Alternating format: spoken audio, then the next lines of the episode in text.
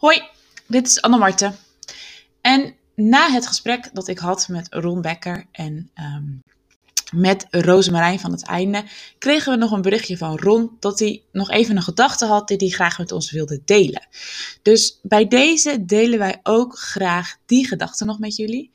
En in dit monoloog eigenlijk van Ron denkt hij na over comfort en of wij niet te veel in ons eigen comfort blijven hangen.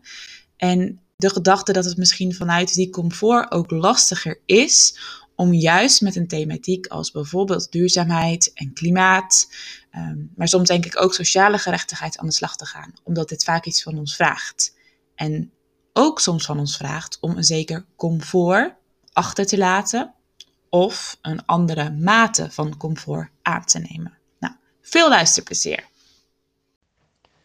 Hey Anne-Marten, nog een nabrander.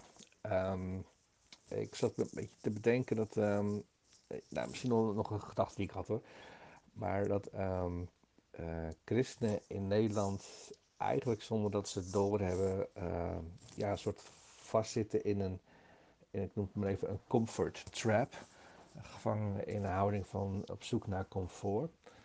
En, en dat het een beetje ontbreekt aan de notie van uh, vergankelijkheid. Ik bedoel mee, daarmee dit.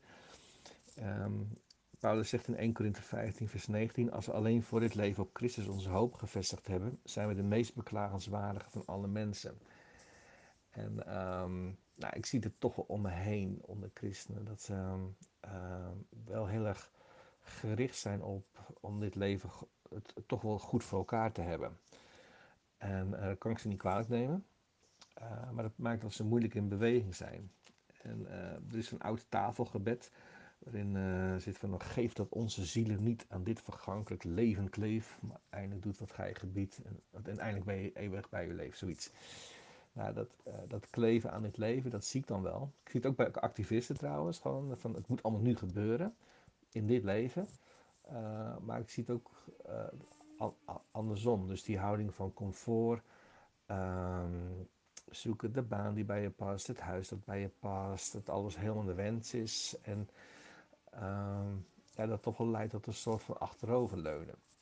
Terwijl juist ook in de geschiedenis uh, mensen die een besef van eeuwigheid hadden en er komt leven na dit leven, uh, juist het meeste in beweging kwamen, omdat ze merkten van oké, eh, um, ehm, er, er, komt iets na dit en dat maakt dat ik gewoon ja, nu niet op safe hoef te spelen of niet hoef te hechten aan, aan, aan wat ik nu heb en wat er nu is. En, en op basis van mijn overtuigingen kan inzetten voor een, voor een betere wereld.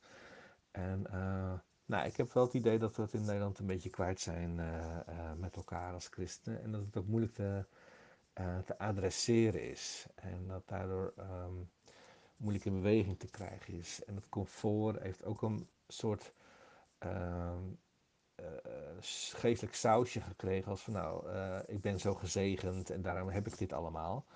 En, um, en terwijl het, het, oog hebben voor, voor dat de Heilige Geest je juist een weg opleidt die pittig is en moeilijk is en waar hobbels op zitten. Um, ja, die weg die wordt minder snel, snel ingeslagen, valt me op daardoor.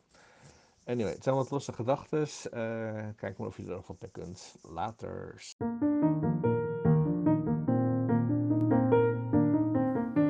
Yes, dat was hem. Dank je Ron dat je dit nog even met ons wilde delen.